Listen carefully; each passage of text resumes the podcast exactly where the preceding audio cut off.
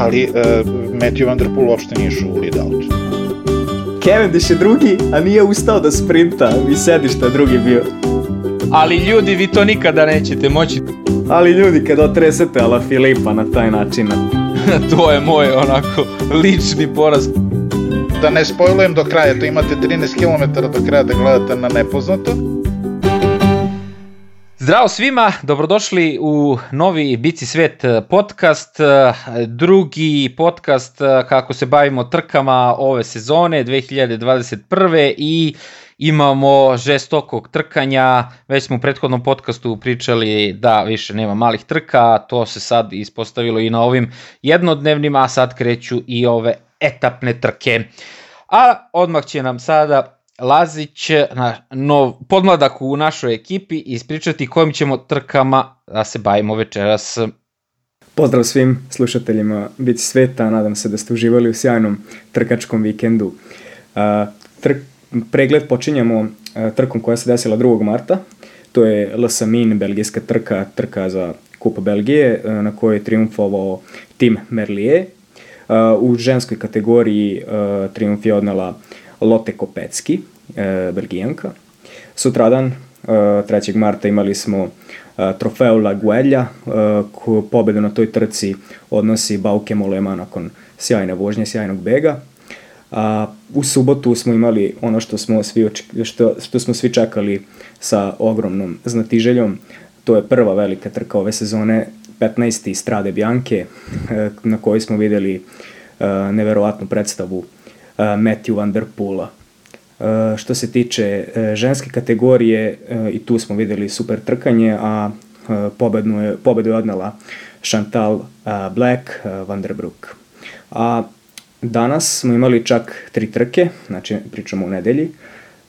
Jednodnevna trka u Belgiji, takođe za Kup Belgije, odnosi vodeću generalnom plasmanu tim Merlije kao i u sredu na Saminu, a u Italiji smo uporedo imali trku uh, Grand Prix Industrije Artegenato, tu trku odnosi Mauri Van Sevenant. Uh, što se tiče etapnih trka, počela je Pariznica, 79. po redu, prva etapa, uh, blago uzbrdo nizbrdo uh, i sprint na, na blagoj uzbrdici pobeđuje Sam Bennett. Hvala Laziću to je to što, o čemu ćemo pričati večeras, a samo ja da e, dodam da su i naši vozači krenuli u sezonu, kompletno, bukvalno svi, i e, Stojnić i Rajović su ove nedelje startovali, Stojnić je e, vozio trku trofeo Lagvelja i onda je vozio ovaj, današnji Artića NATO, a Dule je vozio ovu trku za belgijski kup Pierre uh, Monser. I čućemo sada audio dnevnik Veljka Stojnića sa ove sa ove prethodne dve trke kako je to kod njega prošlo. Pozdrav svim pratiocima i slušalcima Bici sveta. Javljam se iz Italije ovaj, posle prve trke ove sezone koje sam odvozio trofeo Leguelja. Trka je bila poprilično teška s obzirom da je bilo oko 2500 penjanja ovaj, nadmorske, razlike nadmorske visine. Rečeno je da pokušamo, da pokušamo beg kolega iz ekipe Alessandro i ja, što smo i uspeli, ajde bilo nas je oko desetak u begu posle nekih 20-30 km otišao beg, prvo se išlo 80 na sat, naravno nisam iskakao i onda kad smo ušli malo ovaj, sporije, kako da kažem, ulice, onda sam odlučio da napadam, da krenem napadam i već drugi beg, drugi skok je uspeo. Tako da ceo dan na kružnom smenu do daske, jer je bilo preko 10 World Tour timova, da kažem, nivo trkanja na, ovoj, na ovim trkama italijanskim se vratio kao što je bilo pre 20 godina kada je Michele Bartoli pobeđivao ovaj, tako da s obzirom na nivo koji je došao na trku nivo kvalitet vozača koji je došao trku, to kod, nisam imao šta da tražim da kažem u finalu i najbolje je bila opcija Beg. U Begu je bilo par World Tour ekipa koje se videlo da su druga, da druga mnogo veća klasa iznad ovih kontinentalnih timova u Italiji, što su već otpali, da kažem, posle jedna stotinja kilometara. E, ništa, nastavili smo i dalje pun gas, kad smo stigli u krugove, već prvo brdo su zategli i nisam mogao da, da izađem sa njima na brdo. Falilo mi je nekih 50 metara, ovaj, brdo je bilo oko 2 km, na kraju što se vozilo i spust je bio veoma te, ovaj, tehnički zahtevan i, i nikakve krivine, što kažu kontra, kontra krivine. Tako da sva sreća nisam pao, mnogi su pali, Kvijetkovski je pao i da, neki od, da kažem, od većih imena. Uh, taj krug se vozio četiri puta i onda je bio cilj. Ovaj, zadovoljan sam danas kako sam išao. E, možda je moglo bolje da preguram to brdo, ajde, sa prvima u begu, ali ni oni nisu nešto mnogo duže trajali, čak su ih već naredni krug na brdu stigli i onda su krenuli veliki da roštiljaju, što se kaže. I da, kad su mi stigli u, u begu, bila je to grupa od nekih 10 vozača gde su bili Bernal, Nibali, Quintana, koji je pao, video sam ovaj da je napravio Harakiri u grupi, koji još Čikone, Brambilla i mnogi drugi, mnogi drugi, njih deset ukupno. Ali onda posle njih je tu ubrzo stigla i grupa i to sam već video da je vrijeme da skrenem u bus da odmorim, da sam, da sam moj posao odradio. Prvo kupljenje ekipe je bilo od 19. do 24. februara tu u Toskani, Montecatini i Terme mesto se zove ovaj, gde je bilo i prošli put e,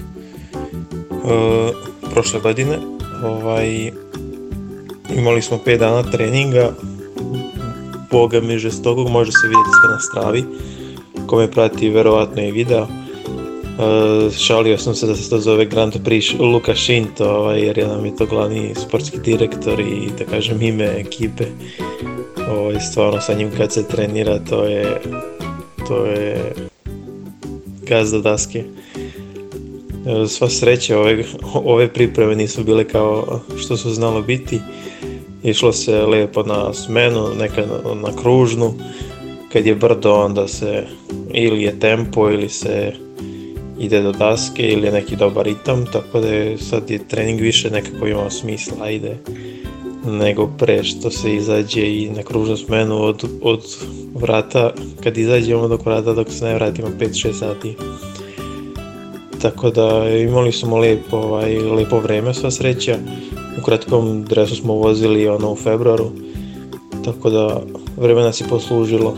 Ovaj, treninzi su protekli vrlo dobro O, video sam popriličan napredak pre i posle priprema, tako da posle pripreme ostalo manje više samo da se odumari, odradi jedan, dva duža treninga između 24. i eto 3. marta kad sam vozio prvu trku, tako da veoma sam zadovoljan urađenim i sada trka je, trkanje je počelo i trebalo bi sledeće da vozim Larčano GP, ne znam kako se tačno zove, mi je zovemo Larčano, što nam je tu otprilike trka kod kuće. Prolazi mi ispod kuće ovde što imamo ovaj, od ekipe.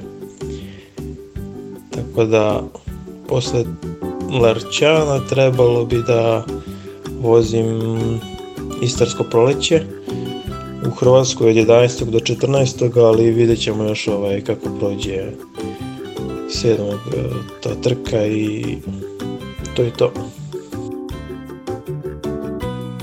Evo javljam se posle druge trke koje sam odvozio GP Larčano. E, trka je bila ok da kažem, loše sam se osjećao na brdu kada su krenula ovi, kada su krenuli krugovi sa brdom. Tako da šta znam, moglo je bolje svakako da nisam imao problem sa sa jetrom, slezina me bolela na, na brdu, ne znam šta je, mislim da imamo čokoladice ove koje ne mogu baš ni da svarim, pa ne znam, sad gledam šta je, šta je uzrok ovaj, tom bolu, tako da ne znam, to moram da popravim šta god da je za sledeću trku. Ovaj, bila je poprilično teška trka, sada su sve trke World Tour, kao da je svetsko prvenstvo, ja ne znam, oko ekipe dolaze nove trke, baš ovi stariji iz ekipe kažu pre tri godine već o, nije bio toliki nivo trkanja i otprilike pro konti ekipe su mogli da rade šta hoće dok sada osam World Tour ekipa dok je na Liguelji bilo preko 10, ja mislim na 12 tako da sve oni da kažem trkaju. I oni kontrolišu trku i oni kažu šta će i kako će da bude. Oni vode glavnu reč tako reći. I ništa posle negde predposlednji krug se sve raspalo, otišlo je napred 40 vozača, već na World Tour i ništa, ja sam ostao u, u grupi koja je bila nekih 70 vozača. Ovaj, I onda sam čak i od njih odpao koliko me je bolela slezina i posle brda na niz brdici rekao ajde malo da dam gas svakako taj spust radim svaki dan ovaj, za trening i rekao sad je zatvoren saobraćaj pa da malo idem pun gas i već četvrtu krivinu me je zanelo, skoro sam i pao i pogledam šta je ono zadnji defekt i onda sam otpojio od te grupe koje sam bio i polako do cilja, ne znam koji sam bio, 105 otprilike. No. Ok, gledam sada da se poravim i sledeću trku vozim Istarsko proleće od 11. do 14. I to je to. Čujemo se onda, nadam se, i posle Istarskog proleća. Eto, čuli smo Veljka, onako 50-50, što bi se reklo, prvog dana je super bilo to u Begu je bio, snimala ga kamera što se kaže ceo dan, hvalili ga komentatori, a uh, ovu trku drugog dana koju uh, koju nije imao sreće, imao je peh na, na spustu i dobio defekt poslednjem spustu, nije bilo lako uh, da se ode u beg, pošto su svi želeli da se nađu i na toj trci u begu, a uh, i previše napora za Veljka uh, ovo, ove nedelje i na, tim, uh, na tom trening kampu uzelo je danas uh, danak, uh, svoj danak i evo sad dajemo reč našem najstarijem članu Predragu da nam on iznese utiske. Mislim da će prvo on pričati o ženskom biciklizmu, ali ajde.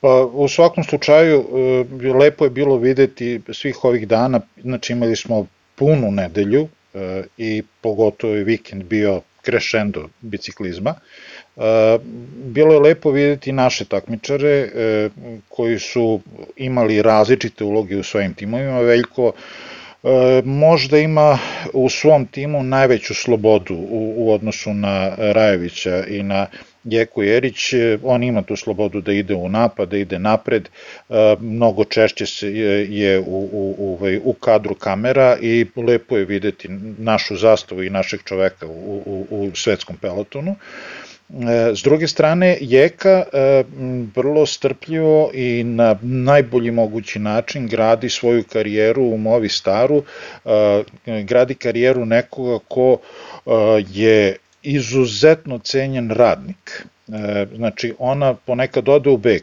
Uglavnom, begovi u ženskom biciklizmu mnogo ređe prolaze nego u muškom, ali u svakom slučaju, e, kad god neko ode u beg, ostatak njegovog tima može da odmara, ne mora da vuče napred, znači imamo svog čoveka napred, vucite vi.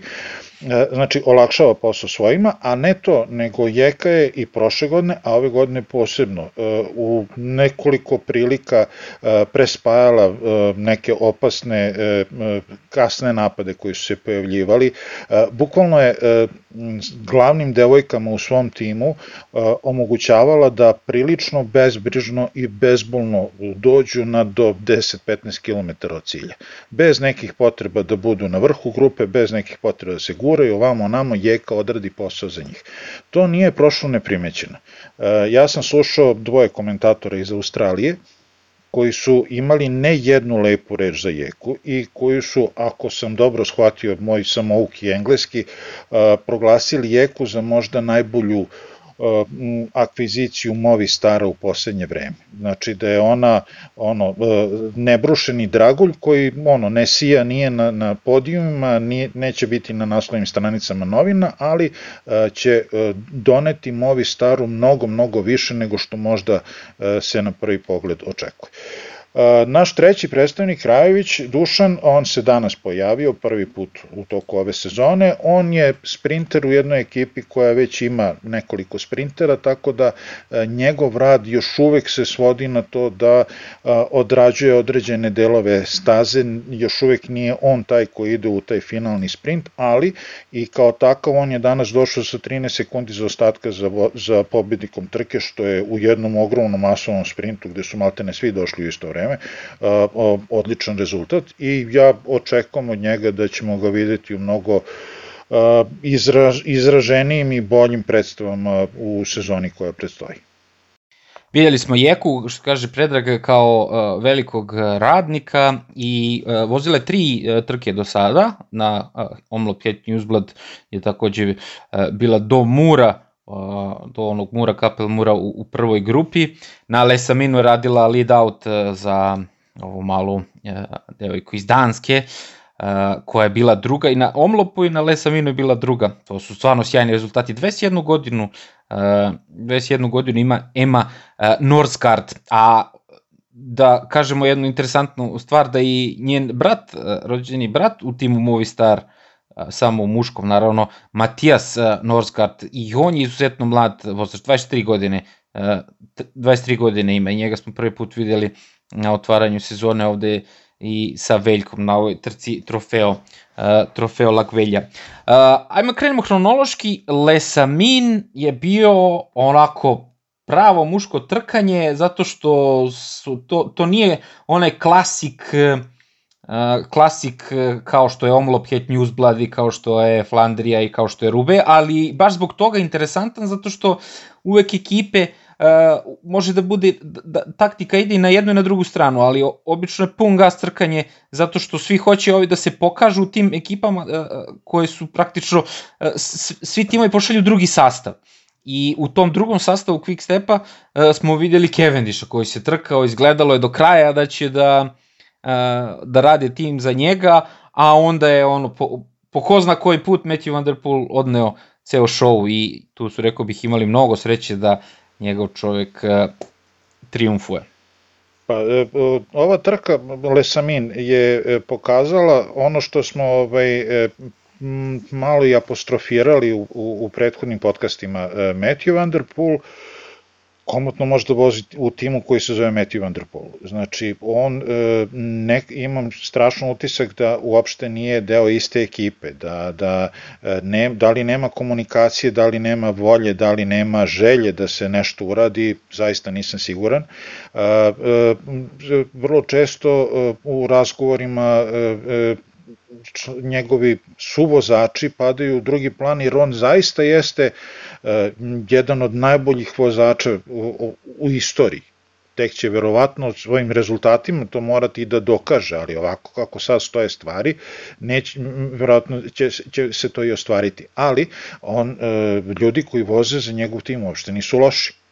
On ima u svom timu aktualnog šampiona Belgije, što uopšte nije e, te, e, lako postati, e, koji je čak pokušao na Lesaminu da uradi određ, jedan kasni napad, da malo rastereti Matthew Enderpula, koji je i u, i u toj trci pokazao da on često taktički ja ne znam kako to drugačije da nazovem. Eto kao primer, možete da pogledate i snimak trke pa ćete vidjeti o čemu govorim. Znači napred izađe pet vozača uh, DQ Quick Stepa i onda Matthew Underpool stane ispred svih njih i vozi prvi. Da, ovaj, zanimljivo mi je da tu u Alpecin Phoenixu ima dosta kvalitetnih vozača. Da, na, baš smo na, na, na Saminu videli i Dries de Bonta, jeli, šampiona Belgije kako napada uh, i njegov napad markira Senešal, čini mi se. Ovaj, pored njega tu je i Jasper Philipsen, tu je i na toj trci bio i jeli pobednik tima Merlije, za kog, za kog Van der Pol kaže da je, da je trenutno najbrži čovjek u Belgiji. To su njegove reči. I ovaj, ja sad ne znam da li je taktika ovaj, Alpecin Phoenixa bila da se ide na pobedu Van der Pola ili na, na, da se spremi za sprint Merlije. Uh, videli smo taj napad, jeli, ovaj, kad, kad su spojili taj mini bag uh, u kom je bio Dries de Bont, uh, videli smo odmah napad Van der Pola uh, po, po kaldrmi i desio se taj peh, jeli, sa ručicom menjača. I ovaj, posle toga su oni rekli da, da je to bilo, da je to svakako trebalo da bude ovaj, deo lead-outa za, za tim Erlijeja. Uh, međutim, nisam siguran da li bi, da, da li bi se odrekao pobede Van der Pol da, da, da, se, da se nije desilo to sa ručicom. Pa taj napad Van der Pula jeste e, bio u tom nekom trenutku kad bi možda, e, e, kad većina timova počinje da se pregrupiš, pregrupisava i da o, sam izgovorio ovaj glagol, ubi se. Ovaj, da, ali dobro. Ovaj, ali Matthew Van Der Poel uopšte nije šao u lead out. Znači, nema šanse. Da mu nije ta ručica pukla, on bi vozio napred, napadao bi, praktično bi iz one krivene kad su ušli, pored one zgrade desno kad su ušli u glavnu ulicu, on bi vjerojatno tad krenuo da sprinta do, do kraja, pa šta bude, bude. E, to što mu se desilo sa ručicom, e, u stvari sa, sa, pa da, sa ručicom guvernala, e, to, tako, to takođe go, može go, dosta da, da, da ukaže na to odnos Matthew Van Der Pula prema timu i obratno. Jer sutra su, ovaj, je izašla vest da je njegov otac izjavio da je dan pre Lesamina uh, Matthew Underpool vozeći trening ili opuštanje ili šta je već bio je na biciklu, na tom biciklu zakačio neka kola. Znači, da li su kola bila parkirana, da li u prolazu su se, se zakačili kola i bicikl, nije, nebitno je, i da je posle toga osetio i čuo da škripi taj deo volana. Sad, ako je to rekao nekome u timu, Znači, sigurno su imali rezervni bicikl. Verovatno su možda imali i rezervni volan, da to je malo, malo verovatno, ali su sigurno imali rezervni bicikl kompletno podešen za njega. Ako je to rekao, zašto mu nisu dali? Ako nije rekao, zašto nije rekao? U svakom slučaju on je sa polu ispravnim biciklom krenuo da vozi 200 km po, gore dole po Belgiji. Znači to je e, takođe jedna od stvari koja, e, zamislite sad to da se desilo, ne znam, Frumu dok je bio u Skaju ili bilo kom vodećem vozaču nekog tima, Nibali, i otišao na trening, skrljao biciklom, nikom nije rekao. I onda sutradan otišao da vozi Lombardiju, na primjer, i kao vidi, raspao mi se bicikl. To ne ide tako. Ti, Đole, znaš nešto više o tome, jeli, o, o Kenyonu, što je, što je nakon, dan nakon trke izjavio da, da savetuje sve da ne voze te kormane sa, sa ručicama, a ja sam negde video da, da, je, da je to nova tehnologija Canyonova, znači e, te šamaraljke koje se kače na, na volan imaju karbonski jedan deo koji je pre toga bio, da li aluminijumski ili ne znam nije šta. I, i da, je to za, da je to zapravo razlog e, gde su oni omekšali taj deo ako je to tačka pucanja, verovatno se ne dešava na svakom biciklu, ali ako mu se već desilo prethodni dan, znači ok, desilo se, sreća nije se desilo za vreme, ajde da zamenim bicikl. Ali... Pa, ja, ja ne znam je li to zvanično sad da je, da je od mi smo videli tweeta i njegov Ćale to rekao, sad da li je to zvanično ili nije, ne znam, sad nije ni bitno, još, je bit, još mi je uh, interesantni taj epilog priče koji je Lazić rekao, znači zbog toga, evo, zbog svega ovog što je Svetioničar pričao kao, dečko, ili si neozbiljan ili kao baš te briga za opremu, pošto ima vozača koji se nemarno odnose prema opremi, uh, a onda epilog priče je ovo što kaže Lazić da je Kenjun rekao, ej ljudi, aj nemoj više vozite taj volan dok ne ispitamo šta je. Znači, sve proizvode u svetu ti povlačiš, da li je istina, da li nije, da li je ovaj lupio ili jeste, znači mnogo se sad ti tu igraš sa svim životima drugih ljudi, jer je jednostavno glava ti u torbi, držiš ruke tu na tom volanu i sad što kaže Lazić, možda je to sad, oni ljudi, neko tu nije spavao mirno, sigurno kod njih e, tu noć, ali oni ljudi su tu nešto menjali i nije, nisu ni oni sigurni sad je li to ili nije. Mislim, mnogo, mnogo zanimljiva priča. Pokušavam da, da, da zamislim šta bi se desilo recimo Valverdu da se tako nešto desi. Pa letelo bi perije na sve strane. A što, što meni je tu zanimljivo jako što, što je i to meni, to meni ono podiže u očima njega kao vozača i, na, i nakon tog defekta on ne, ne staje sa strane da, da, da, da menja bicikl, ne pada mu na pamet, on, on, on stavlja ruke na, na, na, na korman, jeli, na, na onaj flat bar i, i nastavlja da, da, da vozi, da skreće po krivinama sa rukama na, na ovom, da, da bi ovaj, izvukao timsku kolegu. To, to je meni onako prilično lep moment bio. On je mogao samo da stane sa strane i da ne vozi više, no, nema ispravan bicikl. Pa u svakom slučaju, e, meni je ta trka e, pokazatelj e, onoga što smo, ja mislim da smo se složili oko toga, e, on mora da nauči da stane, da, on mora da nauči da mu je dozvoljeno da, da, da mu je i oprema neispravna i da mu nije dan i da mu nije nešto. Ovakvim srljanjem samo je pitanje vremena kada će napraviti neku baš krupnu štetu sebi pre svega sebi, a onda možda i nekom drugom. I e, nema potrebe za tim, zaista. Nema zašto da se sad dokazuje svakog metra svake trke. Pa ne znam, ja se ne bih složio zato što je bukvalno on je uh, doneo pobedu manje više svom, svom kolegi. On je napravi, on je setao tempo. Ovo to je sasvim slučajno. To je mislim sasvim slučajno ispalo. Ona uopšte nije bio lead out. Uh, Merlije ili kako se već zove čovjek ovaj, je mogao da pobedi i nije morao da pobedi. On je bukvalno izletao uh, posljednjih 100-150 metara je vozio sam u grupi sa još njih 10 on jeste jak čovek, jeste na kraju kraja pokazuje i par dana kasnije, ali e, e, samo, sam potez Matthew Van Der Poola i sama njegova vožnja ništa direktno nisu pomogli Merlijevu. Jesu toliko što kad je, mora, kad je na kraju stao sa strane, ono kad je počeo da vozi rekreativan jer je video da, da, da ne može s takvim biciklom dalje, onda je verovatno se Merlijevo otvorio put, ok, sad ne moram da razmišljam šta će Matthew Van da uradi ili neće, teram ja svoje. Znači, e, tu, tu ne postoji ta neka veza, ja, ja je bar ne vidim. Pa, ja, on je tu na kilometar do cilja seo na čelo i on je otresao tu dosta, dosta ljudi iz te grupe. Ovaj, sigurno, sigurno da je to značilo na kraju u tom sprintu za pobedu, jer e, i psihološki kad vozač vidi svog, svog timskog kolegu na čelu koji vuče, to je neki ono, ovaj, još dodatni vetar u leđa. Veće olakšanje u, u, u tom finišu tih poslednjih kilometra, veće olakšanje za Merlija je bilo što je Dick Uni Quickstep totalno propao. Znači oni nisu imali čoveka u prvih 20, oni su se istrošili, stvari se ne šalio. Pa da, e, ali eto, eto, ja i tu vidim posao. Ok, ali to su sve neke, to su slučajne posledice, nije to urađeno s namerom, ali ok.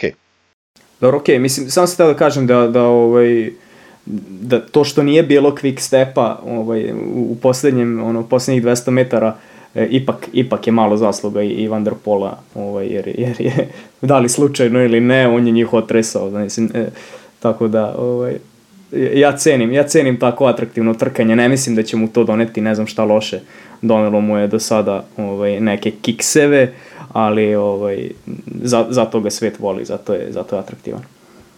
Pa definitivno čovjek vuče i kad treba i kad ne treba. Mislim, to je ono što kaže Svetioniča, mora nauči malo se smiri, spusti loptu čovječ, ono, znaš.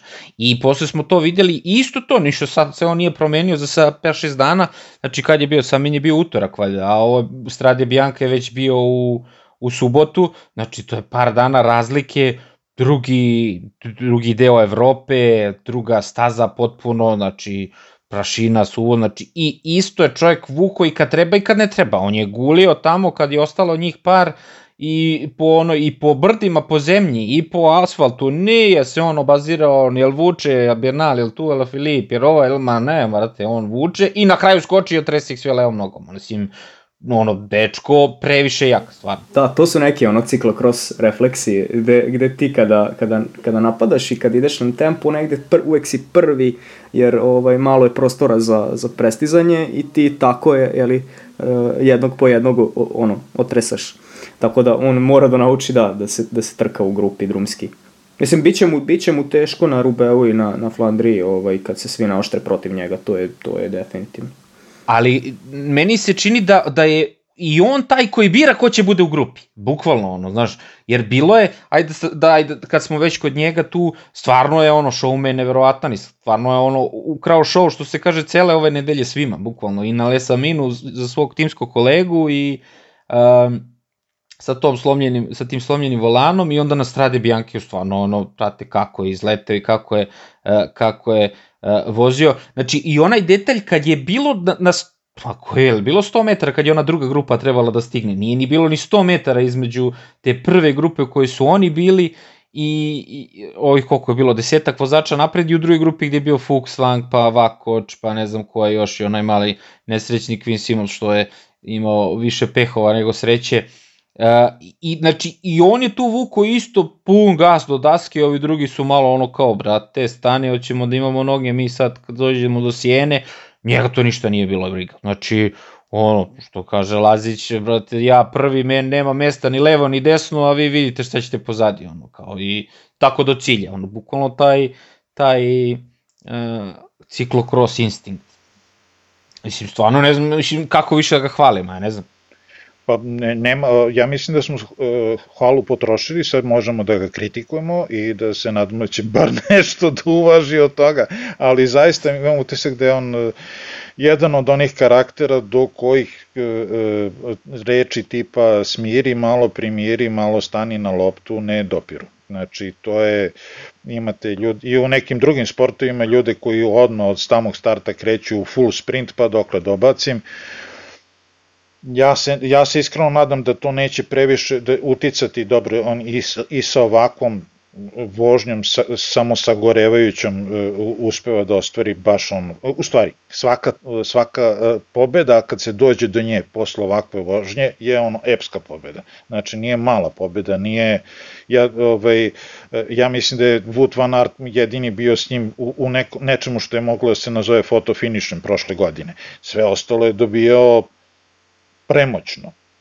I sam, I sam Van Aert je izjavio nakon jedne trke ciklokrosa, da li to, bio, da li to bilo svetsko prvenstvo ili uh, neki svetski kup, nisam siguran, ali rekao je da ono, uh, po najboljem danu, ka, kada, kada se Van der Poel trka na 100% svoj, svojih mogućnosti, ono, jako ga je teško mečovati, znači jako ga je teško ovaj, držati uopšte. Pa jedno, koliki, on, koliki je niz imao u ciklokrosu od, od uzastupnih pobjeda? 150 nešto je kako već bilo, nešto, neki nenormalni niz ima.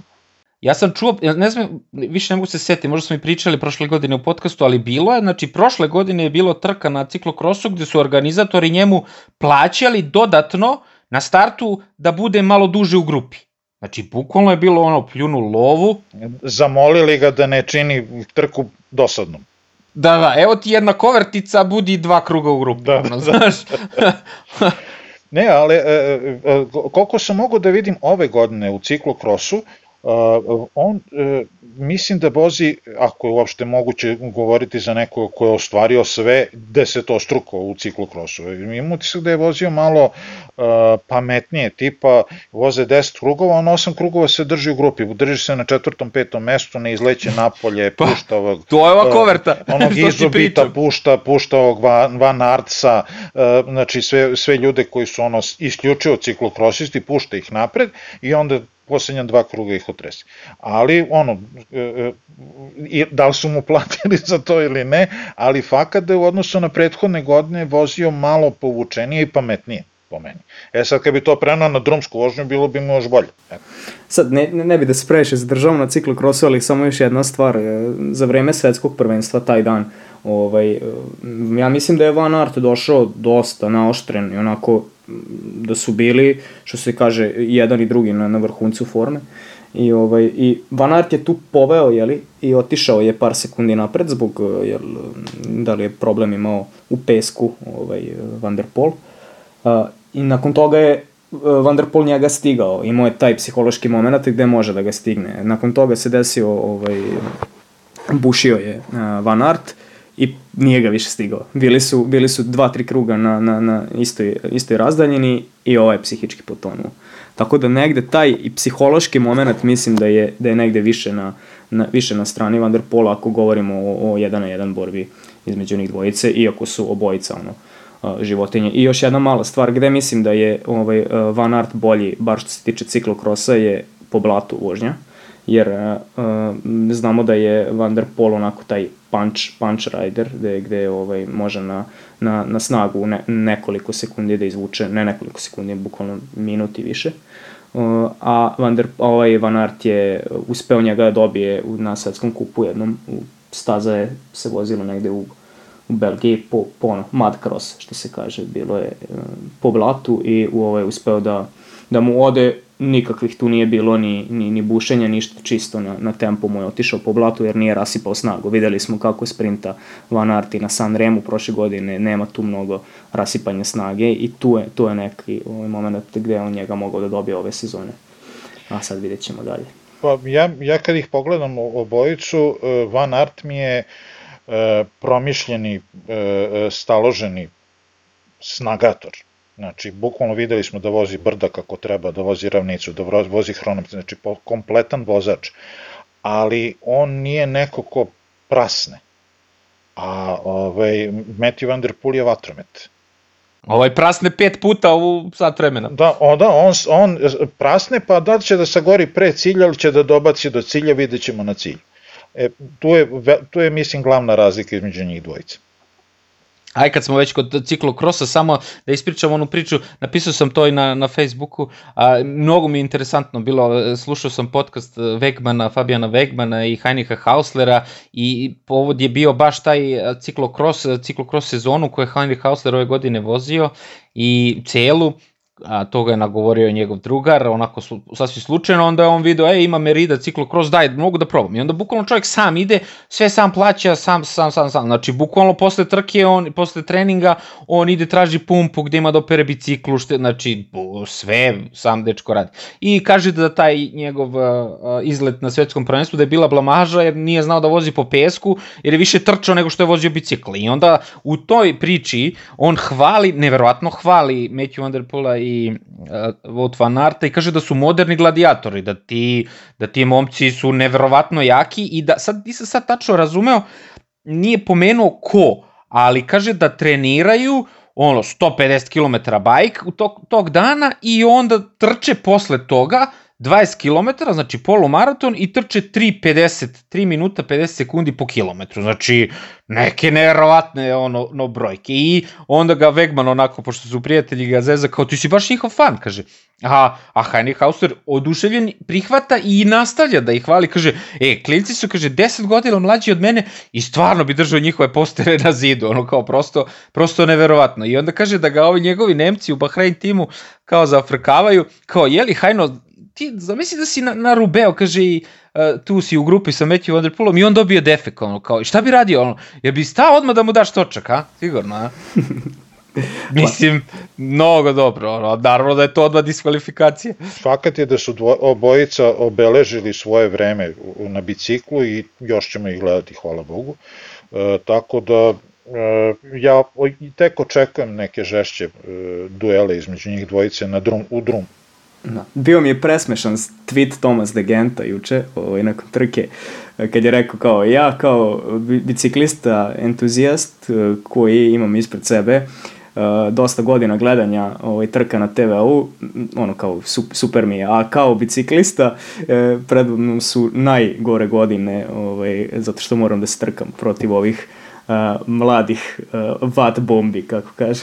Ja sam zaboravio čiji sam tweet video nekog iz Ažeduara. Uh, kaže čovjek, kaže, ja sam profesionalni biciklista nakon onog završetka uh, Matthew Underpula ovaj, u Sijeni. Kaže, ja sam profesionalni biciklista, ali ja ovako brzo ne mogu po ravnom da vozim.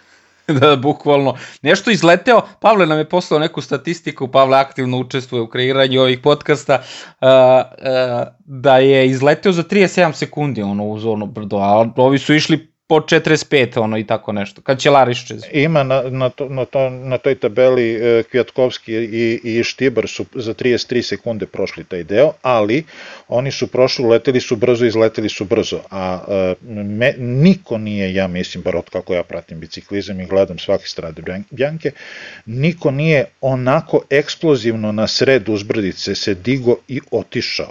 I to je otišao ispred Ala Filipa koji je brdaš, koji je aktualni svetski šampion i pobednik tura bio iza, znači ono... Da, znači, da, i, pobed, i aktualni pobednik tura. To je posebna priča. Možem možda da sad ne, ne, ne preteramo previše, ali ovaj, Bernal može da posluži kao uvod u nešto što sam hteo da kažem, ne znam koliko ćete se složiti sa mnom, ali sam presrećan što sam svedok, ne svedok u ne znam, neko, ne znam kako grandioznom smislu, nego tu sam u to vreme i pratim biciklizam, kada gledamo stvaranje novog Ineosa, mislim Ineos još uvijek nosi za sobom taj ogromnu senku Sky, ajde da sad ne, ne stalno povlačimo tu paralelu, ali ono post-frum vreme, Ineos koji je sklopljen sad od vozača koji svaki od njih e, verujem da imaju neke zadatke zacrtane pred svaku trku, pred svaku etapu, bez obzira da li jednodnevna ili višednevna trka, ali svako ima i određenu slobodu i ta hijerarhija se menja. Na strade Bjanke je Bernal je probitno bio poslat kao podrška Pitkoku, jer se očekivalo Pitkok kao neko ko je sa ciklokrosa da će se bolje snaći na, na, na ovakvom terenu. Pitkok re, e, realno nije bio loš, ali uh, videlo se već na 20-30 km do cilja da on jedva drži grupu, da on super je dok se održava sa tom grupu. Jedno, ono jedno vreme su oni Wout van Aert e, imali za ostatak, pa je Wout van Aert prespojio, ne Pitkog. Ove, I od, Bernal vratio se do Pitkoka, jesi ok, nisam baš naj, ja, ja od onda da probam nešto da uradim, idi ćao zdravo i Bernal, koga, nikoga verovatno nije video na podijumu pre ove trke, je čovjek sasvim zasluženo osvojio treće mesto. Ali gledam na svim drugim trkama gde se Ineos pojavljuje, to su sad nova imena, potpuno neopterećena ne znam kakvim obavezama, krutim kako je bio ranije Sky. Ranije Sky je bio svi vozite za fruma i nema disanja, nema mrdanja sad uh, uh, ovaj uh, Dul izleće napred, onda ovaj Rodriguez ili kako se zove ovaj mali kolumbijac. Znači, pojavljuju se imena gde će za ove stare vukove, za Geranta Tomasa, pa i za Kvijatkovskog koji je nažalost imao taj, taj nezgodan pad, ovaj, biti problem da se izbore da, da uđu u, neki od, u neku od ekipa za neku trku. Ne treba samo zaboraviti da je Bernal 2014. uzao srebro na svetskom prvenstvu ovaj, e, mountain bike-u, znači cross country Olympic, i 2015. bronzu.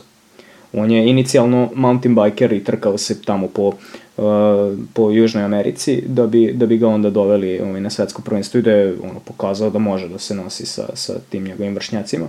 I onda nakon toga su ga uzeli, ovaj, ne znam koga je uzeo, Androni Giocattoli, ja mislim da Androni Giocattoli, da, njega i Sosu. Da, i ovaj, on je pokazao, i ja sam to, to, to sam još primetio na Tour de svi su prošle godine, setite se, ovaj hronometar uh, gde je imao ona i zavoj krivina bila uh, i tu je iskrenuo da mu klizi bicikl potpuno zadnji, Be, beži mu zadnji točak i on ga onako majstorski ga izvuče, pa to, to ne može mnogo ljudi da uradi. Tako da on, on i tekako zna da vozi off-road. Da, ali e, vero, ja u stvari ne znam kako utiče potpuno je drugačiji trening i drugačiji način priprema da se spremaš za Tour de France i da se spremaš za ciklokros. Znači ja, ja sam ovo shvatio, ok, jak si možeš da ideš ta brda gore dole, iskoristit ćemo to za pripremu za Giro, čovek se sprema za Giro, ali pomozi Pitkoku. Međutim, on je uskočio i to je uskočio majestralno. Ove godine Giro, Giro 11. etapa, čini mi se, ovaj, se vozi po ovim putevima. Ne sve, ali deo, deo puteva Gira se vozi po putevima Strade Bianchi po Toskani. Tako da je ono, svoja svojevrsna priprema za to bila, bila ova trka za Bernala. E, pokazao je da može, tako da bit će zanimljiva ta etapa za gledati. Bernal je bio super i uh, u sredu ovaj, on je vozio u trku Lagvelja što je uh, i Veljko startovao sezonu i bukvalno je bilo ono, trkao se za pobedu, ali je nadigran bio od strane treka, jer je trek imao i Nibalje, i Čikonea, i Molemu, i onda su na smenu skakali i Jeko je morao da ode od njih. On moraš nekog da pustiš da bi se trka smirila, Bernal nije imao tu uh, ove timske kolege, napado je na brdu, skakao sve, ali bilo je mnogo brda i bio je spust ono, ubica, tu su se, kao što i Veljko rekao, tu su kliznuli i Kwiatkowski i Nairo Quintana i bukvalno samo na foru, ono, na foru, čuj na foru. Molema je zahvaljujući tome što nije uh, Ineos imao ljude svoje, otišao napred i došao do cilja.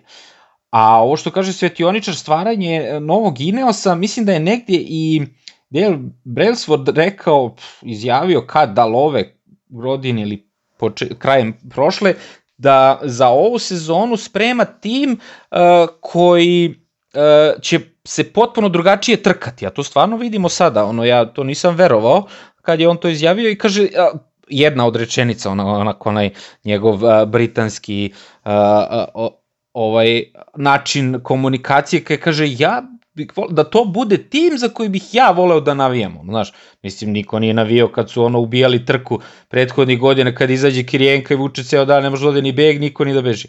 I onda sad, ovo, bukvalno, evo, to je to, ono što kaže Svetioničar, stvara se neki novi Ineos, neki novi klinci koji se, ono, trkaju stvarno super, ono, još ću da počnem i da razmišljam da navijam za njih, ono, na jednodnevnim trkama. Prošle godine smo e, zaključili da sve ređe, a ove godine ja ni jednom nisam video onaj čuveni Ineos voz. Znači, bukvalno ne, ono, postroje se njih 6, 7, 8, zavisi od trke do trke, koliko ih i samo tuku ceo dan tako. Znači, ove, o, oni su potpuno drugačije, razvojeni u, u grupe po dvoje, troje. Pa bilo je na Tour de la Provence na momentu kad sam vozio tu, tu, tu se videlo ovaj, to, to nešto. A to je jedna od koliko je trka do sad bilo. Znači, jako redko se vidi, znači više nije pravilo.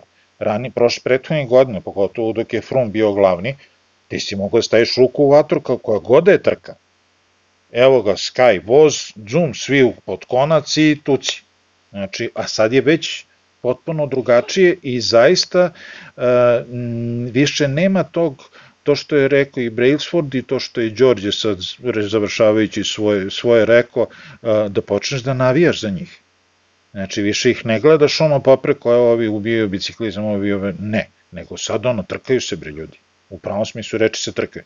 Stvarno, bukvalno stvarno me oduševljavaju na ovim jednodnevnim trkama, nikad nismo imali, jer nekako je pre uvek bilo uh, previše kombinacija i previše stvari koje oni nisu znali, nisu umeli da kontrolišu, a sada imaju vozače koji pojedinačno pričaju uh, koje pojedinačno imaju šta da kažu na trci i pojedinačno razmišljaju u tom trenutku, znaju da, znaju da odreaguju. I e, stvarno rade super stvari da ih nekako psihički rasterete, zato što je prvo kod njih je ogromno kao i u Quick Step, ogromna konkurencija, e, samo ući u, u ekipu koja će vozi trke. Znači, to je ono, trkaju se sami među sobom. Ono. I onda sad super rade e, posao što sad menjaju vozače, rasterećuju ih psihički. Znači, sad su Tao Gegenharta koji je isto klinja, ono da kažeš, prebacili da vozi Tour de France. Znači, ne šalju ga na Giro koji je pobedio prošle godine da ne bi imao veliki pritisak, e, on je prošlogodišnji pobednik, sad treba opet. Ne, nego dečko ti ideš na Tour, tamo si prvi put, tamo si zelembać, kušter i sve ti je oprošteno, šta god da uradiš je plus. A onda Bernala koji je triumfovao na, na Touru, sad bacaju na Giro, Mož pobedi, he, super, ima dva Grand Tura u džepu. Mislim, A i opet treba i on sam na nekoj trci da povrati, nije stvarno tur za njega sa toliko hronometra, ok, u redu, a i on sam će tu na tom džiru, i evo sad gledamo u Italiji da povrati neverovatno samopouzdanje koje je poljuljano na prošlogodišnjem turu. Tako da, stvarno, ono što se sad tiče toga što gledamo kod njih, fantastično ono, orkestriraju sve ove vozače koji su ono, najbolji na svetu. Ono, definitivno kapa dole za njih. Ono. Hoćemo reći par reči ovaj, o uh, Michaelu Goglu koji je ovaj, držao ovu, ovu grupu s njih na Strade Bianchi. Dečko je super, dečko je ono još pre 5-6 godina još dok je bio u Saxo Tinkovu gde je on bio fantastičan, ima neke nenormalne vate, stiska, ali ono što i doktor Milić rekao u podcastu koji smo pravili Zimus, dečko nije to sve kako se ti ponaša samo na ergometru, mnogo to stvari ima uh, ovako na drumu kako se voziš. Znači ono kad je pričao za Rogliča kad je došao kod njega na, na ergometar pa je stiskao 7-14 vati, znači nije samo to biciklizam. Tako da i ovo bojim se da njemu fali malo, mislim fali mu malo i tima, boljeg i bolje organizacije, sad je kod ovih e, Kubeka, kako se već zovu Asos, e, ko je sad tu sponsor, i mislim da to je to što nedostaje, jer on čovjek nema trku, on, svi oni, on je bio u prvoj grupi najboljih vozača na, na, na svetu trenutno, ali jedini on u toj grupi nema triumf ni jednu profesionalnu pobedu. Znaš, ono, treba da taj psihološki načini taj korak da pregrize ono gde je u glavi, u nogama, da mu, ne znam, se otkači neka tamo licna za bol, da, da to pregura i da vidimo jedan rezultat. Ono. Ja, bilo mi je smešno ovaj, komentator kad je rekao ovaj, u grupi od, imamo sada četiri svetska šampiona, znači misleći na Van der Pola, Ala Filipa, Van Arta ovaj, i Pitkoka, pošto i Pitkok je u omladinskim kategorijama svetski šampion i u mountain bike-u i ciklokrosu, under 23. Ovaj, imamo dva pobednika ovaj, Tour de France i imamo Gogala. Ja. imamo Austrijanca, ono cepa karte, tu ono čovjek stvarno, ono, ekstra. E, ova godina pokazuje, e, ne, nije prošla ni jedna trka da u vodećoj grupi nije bilo neko iznenađenje. Tipa otkud sad ovaj tu. Znači, baš ne očekuješ, znači, kad se, evo, baš primer koji ste naveli, u jednom takvom kruštvu ne očekuješ nekog ko nema ni jednu pobedu do sad. I to je upravo ono što uh, uh, ovu sezonu mislim da će da učini pikantnijom. Uh, evo na kraju krajeva i danas uh, trka koju smo videli uh, gde pričat ćemo malo kasnije gde je čovjek za mene potpuno iznenađenje da je pobedio gde su svi videli da će Mulema da pobedi, jer on je najbolji sprinter, uz brdo, cilj, sve za njega namešteno i nije pobedio potpuno za me, ja ne znam koliko, nisam gledao statistiku čoveka, koliko pobeda ima do sad, ne verujem da ima više od pet, ako ima i toliko. Vidi, meni je dovoljan poraz to što se sećam intervjua koje je davao njegov tata na Tour de France, ono, pre 10-11 godina, znači, to je moj onako lični poraz, kao, jo, vidi sad, počeli, Ali pazi, e, dobro, jel prelazimo na tu trku, da sad ne, ne skačemo tamo ovamo, možemo i to, ajde, e, Grand Prix industrija, ovaj, neću ni da probam da izgovorim drugi deo, ovaj, te, artiđanato, artiđanato, ajde, ne znam, nisam stigao da pogledam šta znači u prevodu artiđanato. Artiđel... Artiđelato, Artiđelato kaže, je malo sa sladoledom, ali neće. to, je, to je velika nagrada industrije i rukotvorstva. Aha. Se zove. Trka, trka po, ovaj, isto po Toskani, u okolini Firence, start i kraj u Arč, Larčanu, ovaj, tako da, eto, to, to znači. Mm, dim, ne, bravo. Eto, Lazić zna, zna, Lazić zna italijanski, a sad će da nam eto, sta, ispričanu staru legendu da je to Esnaf, ovog još Leonardo osnovao tu trku kad je Leonardo izmislio bicikl.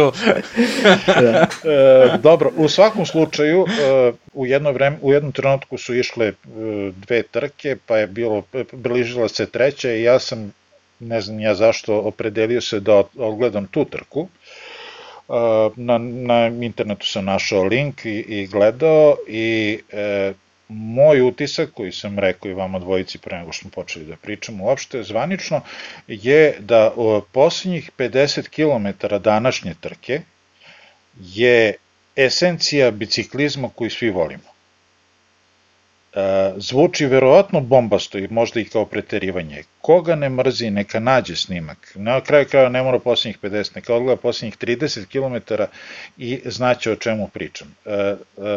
E, e, ono, ova trka je upravo ilustracija onoga što smo pominjali i što ćemo stalno pominjati. Nema više došao sam na ovu trku samo da izguram kilometre i vate jer se spremam za ne znam šta. Na trke, na svaku trku ljudi dolaze da se ozbiljno trkaju. I to ne samo e, ljudi, što je Đorđe pomenuo, neki timovi pošalju drugi, treći tim. Nebitno je. Znači, na ovu trku su došle zvezde, došle su velika imena biciklizma i trkali su se, ali pravo. Znači, Najkraće rečeno, Macija i Bodnar je bio skoro ceo dan sam u begu, ništa se specijalno nije dešavalo, onda jedna grupa od devet vozača je probala da, da preseli do njega, manje poznati vozači i slabiji vozači. To se završilo tako što je negde oko 45 km ili tako nešto, su svi pohvatani, I kao što obično biva kada se prerano uhvati beg, krenulo je dodatno bežanje.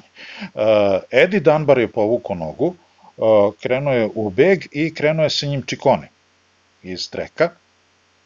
Samo da podsjetim da cele prošle godine se forsira duet Čikone Nibali i u, u treku i njih dvojica kako su odmicali, priključio se, ne sjećam se već ko je bio, i Nibali je preselio do njih. Zajedno sa Nibalijem preselilo još dvoje vozača, i formirala se grupa od 7-8 vozača koja je išla nekih 2-3 km solo, 20-30 sekundi ispred glavne grupe, onda je Valverde, koga smo već počeli da zaboravljamo i počeli su da se pojavljuju malo i ružni e, komentari na njegovu vožnju ove godine, Valverde je preselio napred.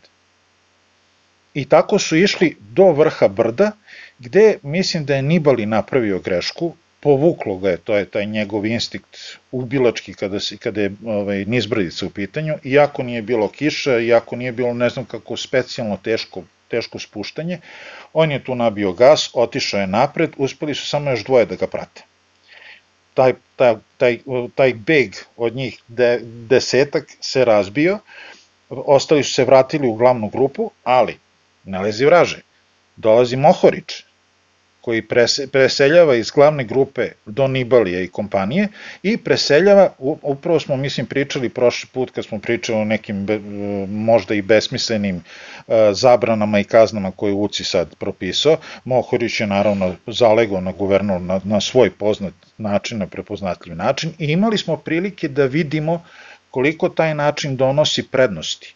Znači, napred su njih trojica, Nibali vuče, nizbrdo motaju svi trojica Mohorić zalegne ono preko, preko volana napred uz, uz, uz ovaj, horizontalnu cev, ovaj, ne znam da li je pet puta okrenuo pedalu, on ih je stigao. Jer taj položaj mu upravo mu, to omogućava. Uh, nastavili su njih četvorica, međutim, uh, to je ono, ajde ti, ajde ti, ajde ti, na kraju se završilo da ih je glavna grupa stigla kao, ajde dobro, sad se smirilo. Na 13,5 km do kraja najveće meni iznenađenje od početka sezone. Quintana kreće u napad. Quintana kreće u napad i prati ga uh, pobednik trke, uh, opet sam Vans, dobro, Ma, e, Mauri će da zapamti. Mauri, znači, Mauri. Čovjek je, ja mislim da je grizo volan, grizo asfalt da ostane uz Quintanu, jer Quintana je, to je bio Quintana iz najboljih dana, to je bio Quintana koji je osvajao ove, Giro, Quintana koji je osvajao Vueltu. Čovek koji se digo i sa takvom lakoćom krenuo napred da je to bilo zadovoljstvo gledati. Ali, Mauri iz Quick Stepa, je zagrizo volan, ja mislim da je prosuo srce na, po, po, po putu da, da ga, da ga ovaj, dostigne i da ostane uz njega ja samo da ovaj se nadovežem na ovo tvoje, ono kao dragi slušaoci, ako hoćete vi vratite, pa ne vredi, ne mogu da ispazim. A ja Dobro, sad sve da upravo si, upravo si, neću da, da, da ne spojlujem do kraja, to imate pa 13 km do kraja da gledate na nepoznato. Uh, nadam se da ovo što sam rekao, sad da ne pominjem sva imena koje su se pojavila. Pogledajte startnu listu, sve najjače imena koje vidite u startnoj listi, svi su bili u napadu, svako je jurio svakog. Znači, Veljko je bio... I Veljko Stojnić, da, da, Veljko i Veljko Stojnić koji je zakovo na brdu, zaboleo ga stomak, a niz brdo probušio gumu i o, bar je stigo do cilja verovatno na tom brdu gde nije bali otišao napred. U svakom slučaju, a, a, ostaje kod mene jedno veliko pitanje. A, Trek je na tu trku posto, posto, poslao Molemu, Nibalija, Čikona i Brambilju na jednoj ovakvoj trci oni nisu pobedili. Da li su taktički možda trebali da voze drugačije? Da li je bio plan, ok, sad dva, ovaj dvojac neka proba, pa će onda da proba ovaj dvojac, pa ko šta napravi, znači da idu kao dva odvojena pod tima ili kako da to nazovem, ne znam, ali kad pogledate sva ta imena, u prvih deset, trojica su iz treka, a nijedan nije prvi. I to su imena, vrlo ozbiljne imena. Nibali, e, Nibali i na prošloj trci na ovoj e, Lagvelja isto tako pokušavao nizbrdo. Ja mislim da je on, čini mi se, par trka unazad kad se prisetim, čini mi se da je on već polako, kad nije u formi, ono top, top, top, digo ruke od brda, nego pokušava nizbrdo, pa ajmo deco da vidimo jel vi mene pratite ili ne pratite. Nemojmo zaboraviti prošle godine kad je on, što se kaže, kažemo ono ulič, uličnim žargonom, kad je načepio nizbrdo, nemojmo zaboraviti da je ovaj mali Remko izleteo i izlomio se tamo na Lombardiji kad je ono na, na spustu bilo. Znači, nije naivno. Ja mislim da je druga stvar u pitanju. E, prateći Nibalija sve ove godine, on u prilike u ovo vreme tek nabija vate i tek nabija kilometre. I imao sam prilike da vidim e, da on proba dok je još bio u, u Bahreinu. E, e, proba da recimo uradi lead out. I to ga uradi tako da prvo krene u lead out 5 km od cilja i to tako udari po pedali da niko ne može da ga prati. Znači, jednostavno nema osjećaj za to, ali to mu je deo priprema, ajde sad ću da radim sprint, pa da vidim dok mogu da stignem. Međutim, prošle godine je e, palo, palo mi je u oči pre nego što je COVID pozatvarao sve, sve drumove, e, bilo je nešto trka, e, po Italiji i po Francuskoj, gledao sam dve trke gde je Nibali po pljusku najvećem, po bljuzgavici, katastrofa od vremena, išao u beg, prespajao begove, napadao, znači govorim u početku marta, što je za ranijeg Nibalija bilo nezamislivo da u ovo doba godine on bude na tom nivou forme. I to je pokazao i ove godine. Znači, on napada, on prespaja, on pokušava da uradi nešto. Možda pokušava da izbegne da, da ulazi u neke grupne sprinteve na kraju i neizvesne završnice, možda pokušava da završi trku pre vremena ili jednostavno ima svoju neku agendu, e sad moram da ubijem toliko vati na to, od te tačke do te tačke, pa šta se desi, desi. U svakom slučaju zadovoljstvo ga je gledati. Pa da, iz godine u godinu gledamo kako se ovaj menjaju ti trening planovi. Ok, ima, ima tih ovaj, kampova preko zime uh, i u rano proleće, ali sve, sve više ima filozofija šta je dobro, uh, kakve trke voziti početkom sezone, da li su to jednodnevne trke, da li su to etapne trke, kako, bi, kako tačno natempirati formu za tur ili za Giro. Tako da i dalje, i dalje nema formule koja, koja kaže ej sad sad nećeš voziti ni jednu trku u Australiji, to je besmislica, uh, ići ćeš na, na kamp u Tenerife, tamo ćeš da, da voziš 200 km svaki dan, toga više nema. Čak je, čak je ja mislim, i, i Froome pričao o tome koliko je bitno da, da u ono, Adelaidu tamo voza onaj Tour Down Under, da se na početku sezone ovaj, napravi neka baza ovaj, tog uh, anaerobna baza, da bi se kasnije ona kao, kako kažem, ono, bruši, brusila kako, kako dolazi, kako dolazi, kako dolazi tur. Nema više onih, ono, e, klasičnih kao gađa se neki pik, taj pik je Tour de France, a sve ostalo nema trka. Sada gledamo tokom cele godine trkanje i to, to je sjajno za nas gledalce, ali ja ne mogu da zamislim kako izgleda njihov život.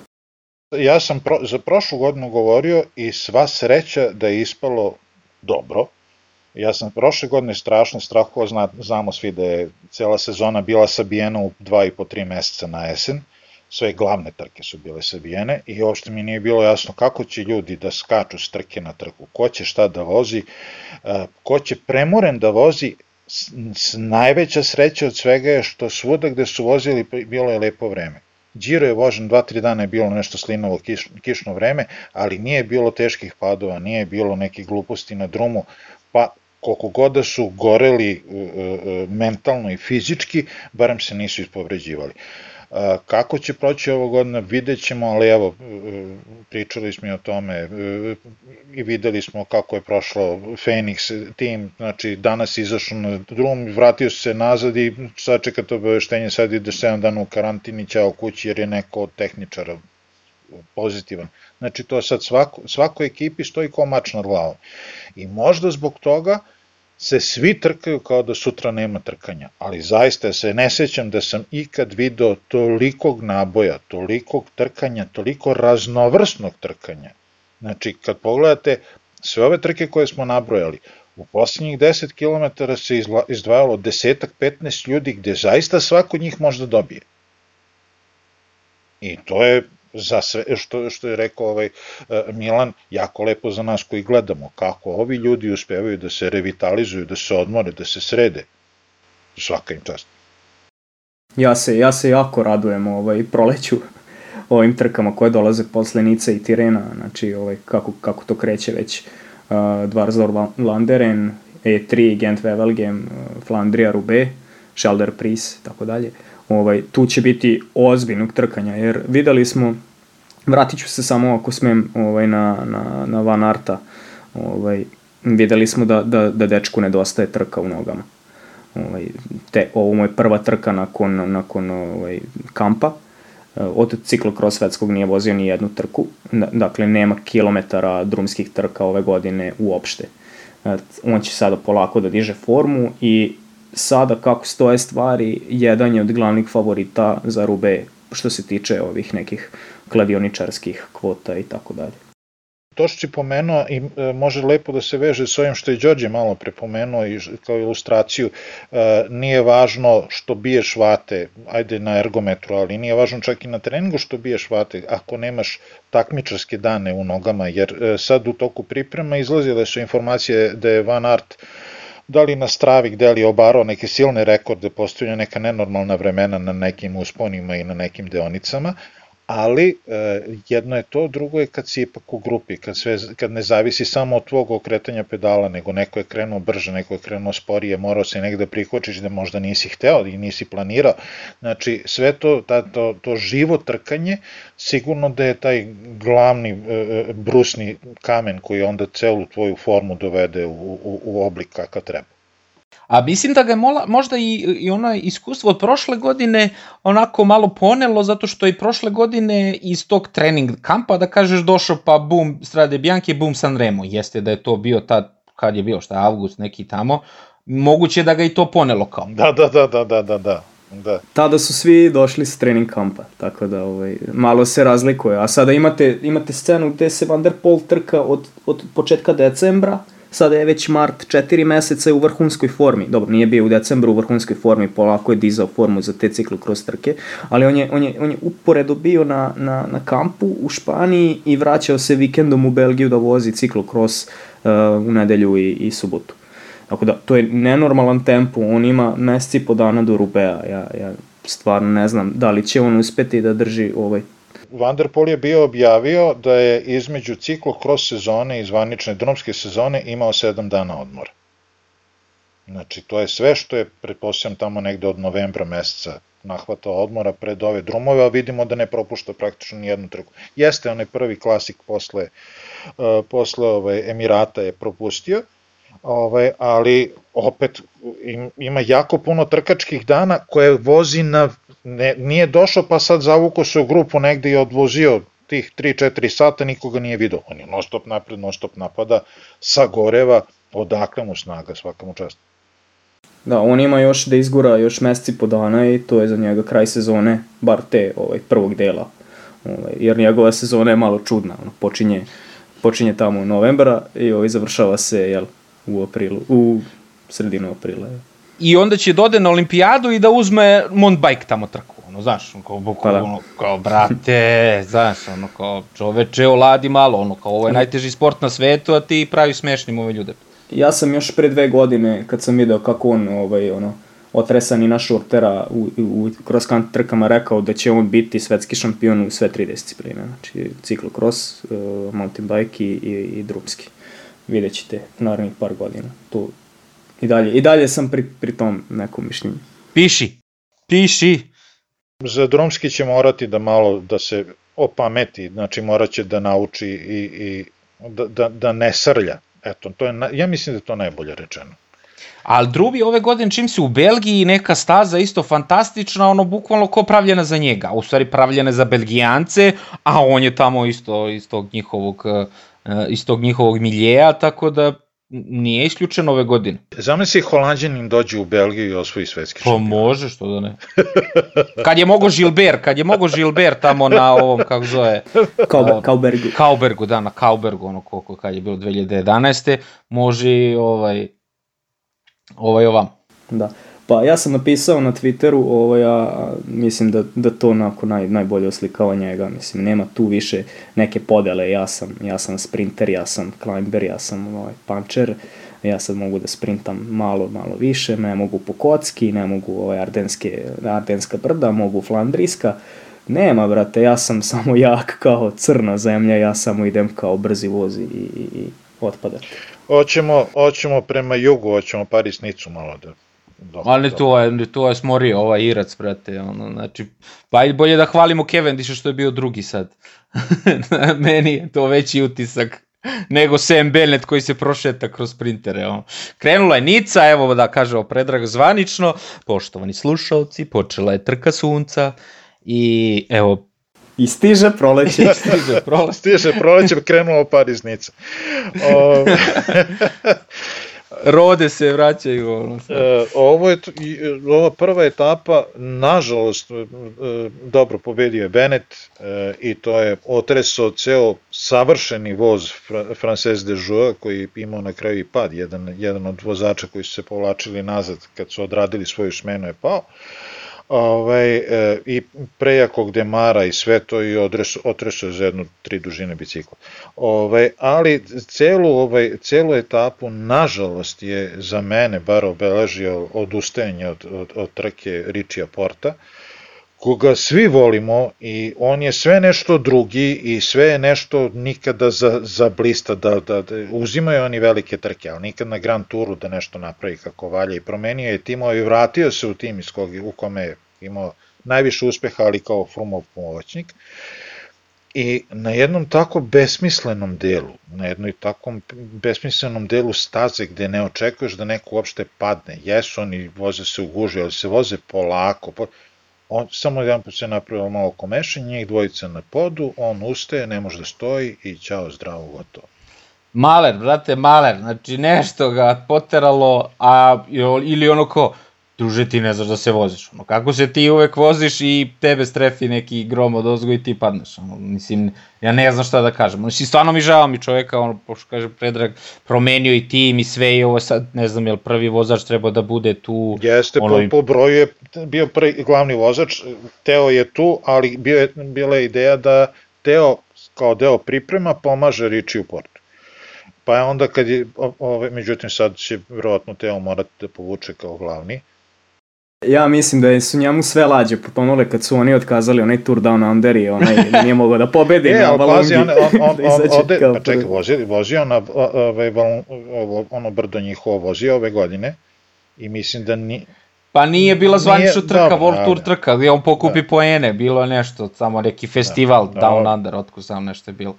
Mislim, Ali... Pa i prošle godine, i prošle godine nije uspeo, pa pobedio ga na Englez, mali iz, iz Frances de Jouet, da, je. Nije, pa pobedio tu, ali ovaj pobedio Jeste, celu trku. Jeste, ali znači, uzme mu brdo čoveče, to je kod da ti neko uzme višnjicu sa šlaga gore sa vrha torte, mislim, najslađi deo ti je.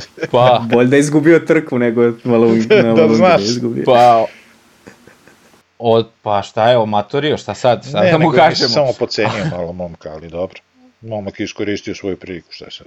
Ne, ovo sad kad si pričao sad ko je šta je, ja sad razmišljam, jedva sam ja uhvatio, moraš da kažeš, e, i, i što se mene tiče, Teo Gegenhardt, ono, ne znam je li neko nešto hteo, ili je stvarno Teo, ili šta, šta se Nekako tu desilo, kao, ono, kao, jel ti fali ne, H, otpr... jel ti da, fali da, H, da, da, ili da, da, jesi da. u novom žargonu, u ovom klinačkom? Nešto si tela. Ne, nego, ovaj, e, od kako se pojavio, e, ovaj, meni je nekako to Teo toliko zvučno, marketinški fenomenalno, da uradiš šta hoćeš sa tim, ove, i lakše mi je, a ono, Gegenhardt, ono, ajde, Guggenheim.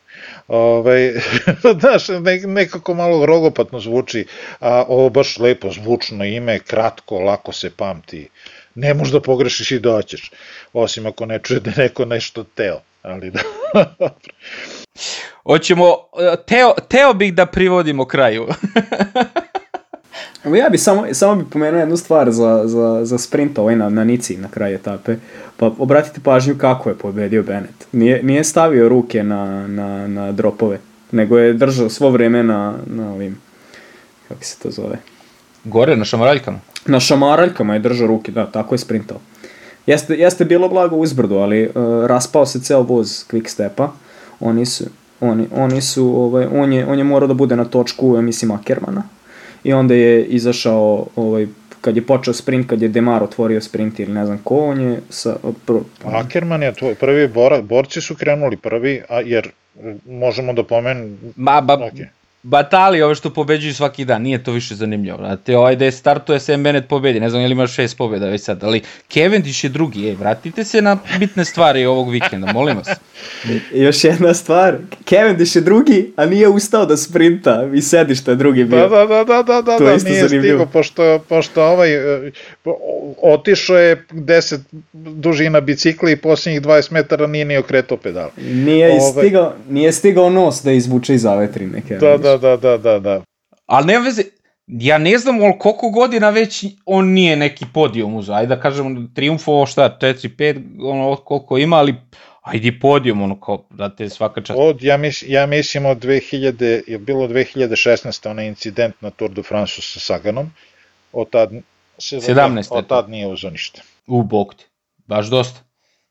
Ali evo, posle cilja odmah je nešto krenuo da, da tamo preti, da se svađa. Pa tako to da, je možda Kev. je stvarno, možda je stvarno vraća. To je Kev. Čuo sam intervju, što se vraćam, yeah. što sam čuo intervju i stvarno sam ono kao, pa ali šta je, je li istina ili ne, kao samo hoću se trkam u Belgiji, samo ovde da se trkam, pričali smo o ovom planu i programu, kao plan i program, brate, brate, plan i program quick stepa, da te uvedu na trku, da budeš srećan, ono da nogama u zadnjicu da se šutiraš, kad pogledaš ko sve pobeđuje, kako pobeđuje, gde sve pobeđuje, i kogod se pojavi pobedi, ono danas otvoriš statistiku samo se plavi, ono gde god su bili pobedili su čoveče. Tako da ono Mark brate svaka čast, ono što si tu i i što nam vraćaš ono malo uh, emocija u ovaj nostalgija u ovaj proračunat i nostalgiju u ovaj proračunati biciklizam u ove vlate i ove klince koji koji razbijaju ono. E, dobro, o, imao je imao je priliku, iskoristio priliku da bude drugi, ajde ako ništa drugo. Bila je baš ono loša, loša ovaj, konkurencija što se tiče sprinta, ništa specijalno. Da je bio ovamo na, Nemoj sad mm. čoveče vidi, ovaj Merlije jeste, pobedio tamo jeste. kad je... E, pogledaj spisak sprintera koji su bili na prvoj etapi Nice, pa kaži šta bi Kevin Dušu radio u tom, u tom spisku. Mislim, jaš. Pa pustio bi na 30 km do cilja. šta bi? Otišao bi sa grajpelom na pivo negde. Ove, ne, ove, ove, šta bi ovaj sprint je opet... E, e, ja ne znam da li je samo predlog ili je izglasano E, zabrana, e, čitao sam u, u vezi onog e, nesrećnog završetka u Katovicama gde je Filip Jakobsen stradao u, u one barikade, taj cilj, ta linija cilja se briše iz trka, više ne sme da se, da se na tom mestu postavlja cilj trke i onda uz to, da li je išlo kao predlog ili ne, da ne sme da bude krivina, da ne sme da bude uh, onog, što kažu, ovaj, drumskog nameštaja po, po, u, u sprinterskim etapama, da ne sme da bude ovo, da ne sme da bude ono. Današnja prva etapa Nice, ste videli ono sumanuto sa 20 metara širokog druma jedan put se sužava na 5 metara, krivina ovamo, krivina onamo, onda neka sitna ostrvca koja se u pelotonu kad voziš nema šanse da vidiš, Znači, ako, se, ako slučajno zakači onu nisku bankinu neko ko ide s polja, pokupi ceo peloton, čovječ. Ne znam kako je pao ovaj čovjek iz Frances dežura, dežura, videli smo samo da leži dole, ne znam, taj trenutak nis, nisam video, ali ovaj, cijela ta priča o tome, o toj bezbednosti u, u, na trkama koju UCI promoviše u poslednjih neko, neko vreme, je sve palo, ja ništa od toga nisam video, sve, sve suprotno od toga video sad na ovom finišu trke. Meni više zabrinulo tu ona gomila ljudi na cilju, brate, ono što ono kao, brate, mi smo četiri meseca ovde u karantinu, ne mrda niko nigde, u Nemačkoj na, na a oni su isto tamo u nekom sličnom karantinu i ko, brate, sad Pariznica, ono, u Parizu, tamo negde predgrađe, vidjela se tamo Eiffelova kula, ono, pa u onom snimku iz helikoptera, i brdo naroda, kao, brate, trka, ono, sve je normalno, nema veze, mislim, ajde. Prošle godine, bukvalno, evo, godinu dana prošle godine se na toj trci završila sezona, da kažem, bukvalno. Jeste, pred posljednju etapu koja nije ni vožena, i e, bilo je, kako, ne znam, ne mogu da se setim kojim redosledom, dva tima ili tri su umeđu vremenu odlazila kući, nisu se pojavljivala sutrada na trci i kad je završila pretposlednja etapa, onda su rekli, čao, zdravo, nema svrhe više. E, tako da, ne znam, Eto vidjet ćemo na, toj, na prošle godine se na toj etapi desio ono šahman uleti u, u kola koja se isparkiravaju na 200 metara od ciljne linije, mislim te neke besmislice, ali dobro, ajde, da, valjda će proći sve kako treba. Laziću, replika neka još, završavamo ovo. Pa ja samo još jednom da kažem kakav napad uz, uz ulicu Santa Katarina. I da se vratim na ciklokros sezonu. Pa to nije. Da, stvarno nismo pominjali ciklokros pa ne, pa mislim, nismo, nismo, nismo pominjali taj napad ovaj, u poslednjem kilometru. Tu... Da, da, mi i nismo nahvalili čoveka, da još jednom 15 minuta. Ali ljudi, hvala. kad otresete Ala Filipa na taj način, na takvom brdu. Tri, Ali ljudi, nešto. vi to nikada nećete moći, to može samo meći u Underpol.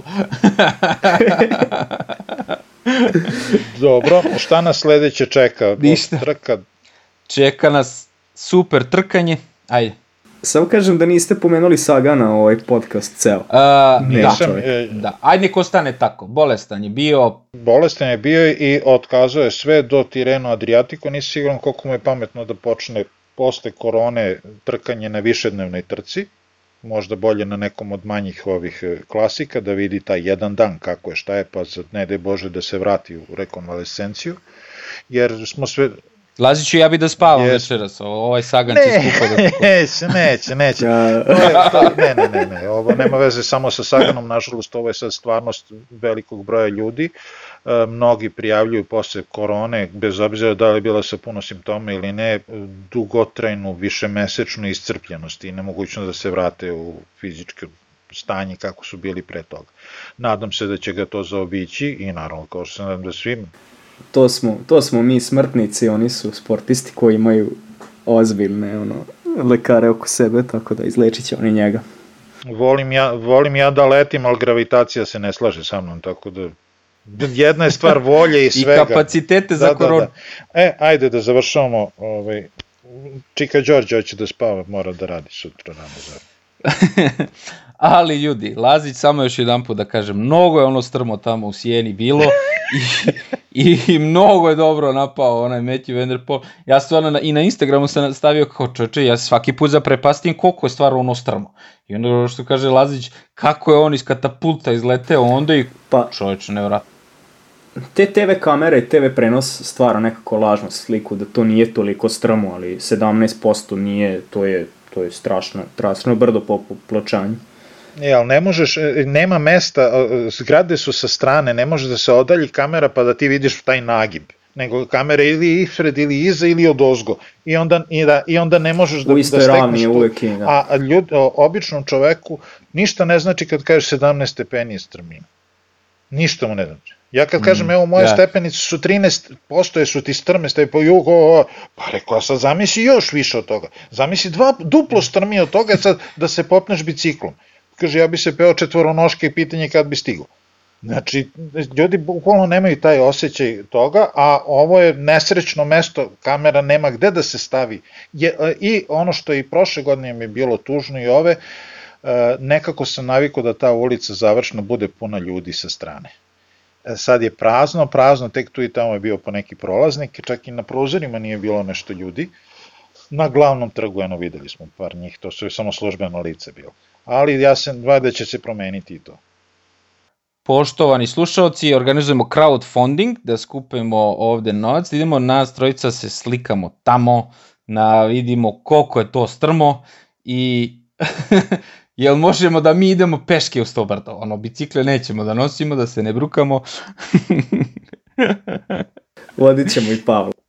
Vodit ćemo i Pavla da zabeleži neki ton kako škripe ove dole ploče ako se tu nešto nije dobro urađeno.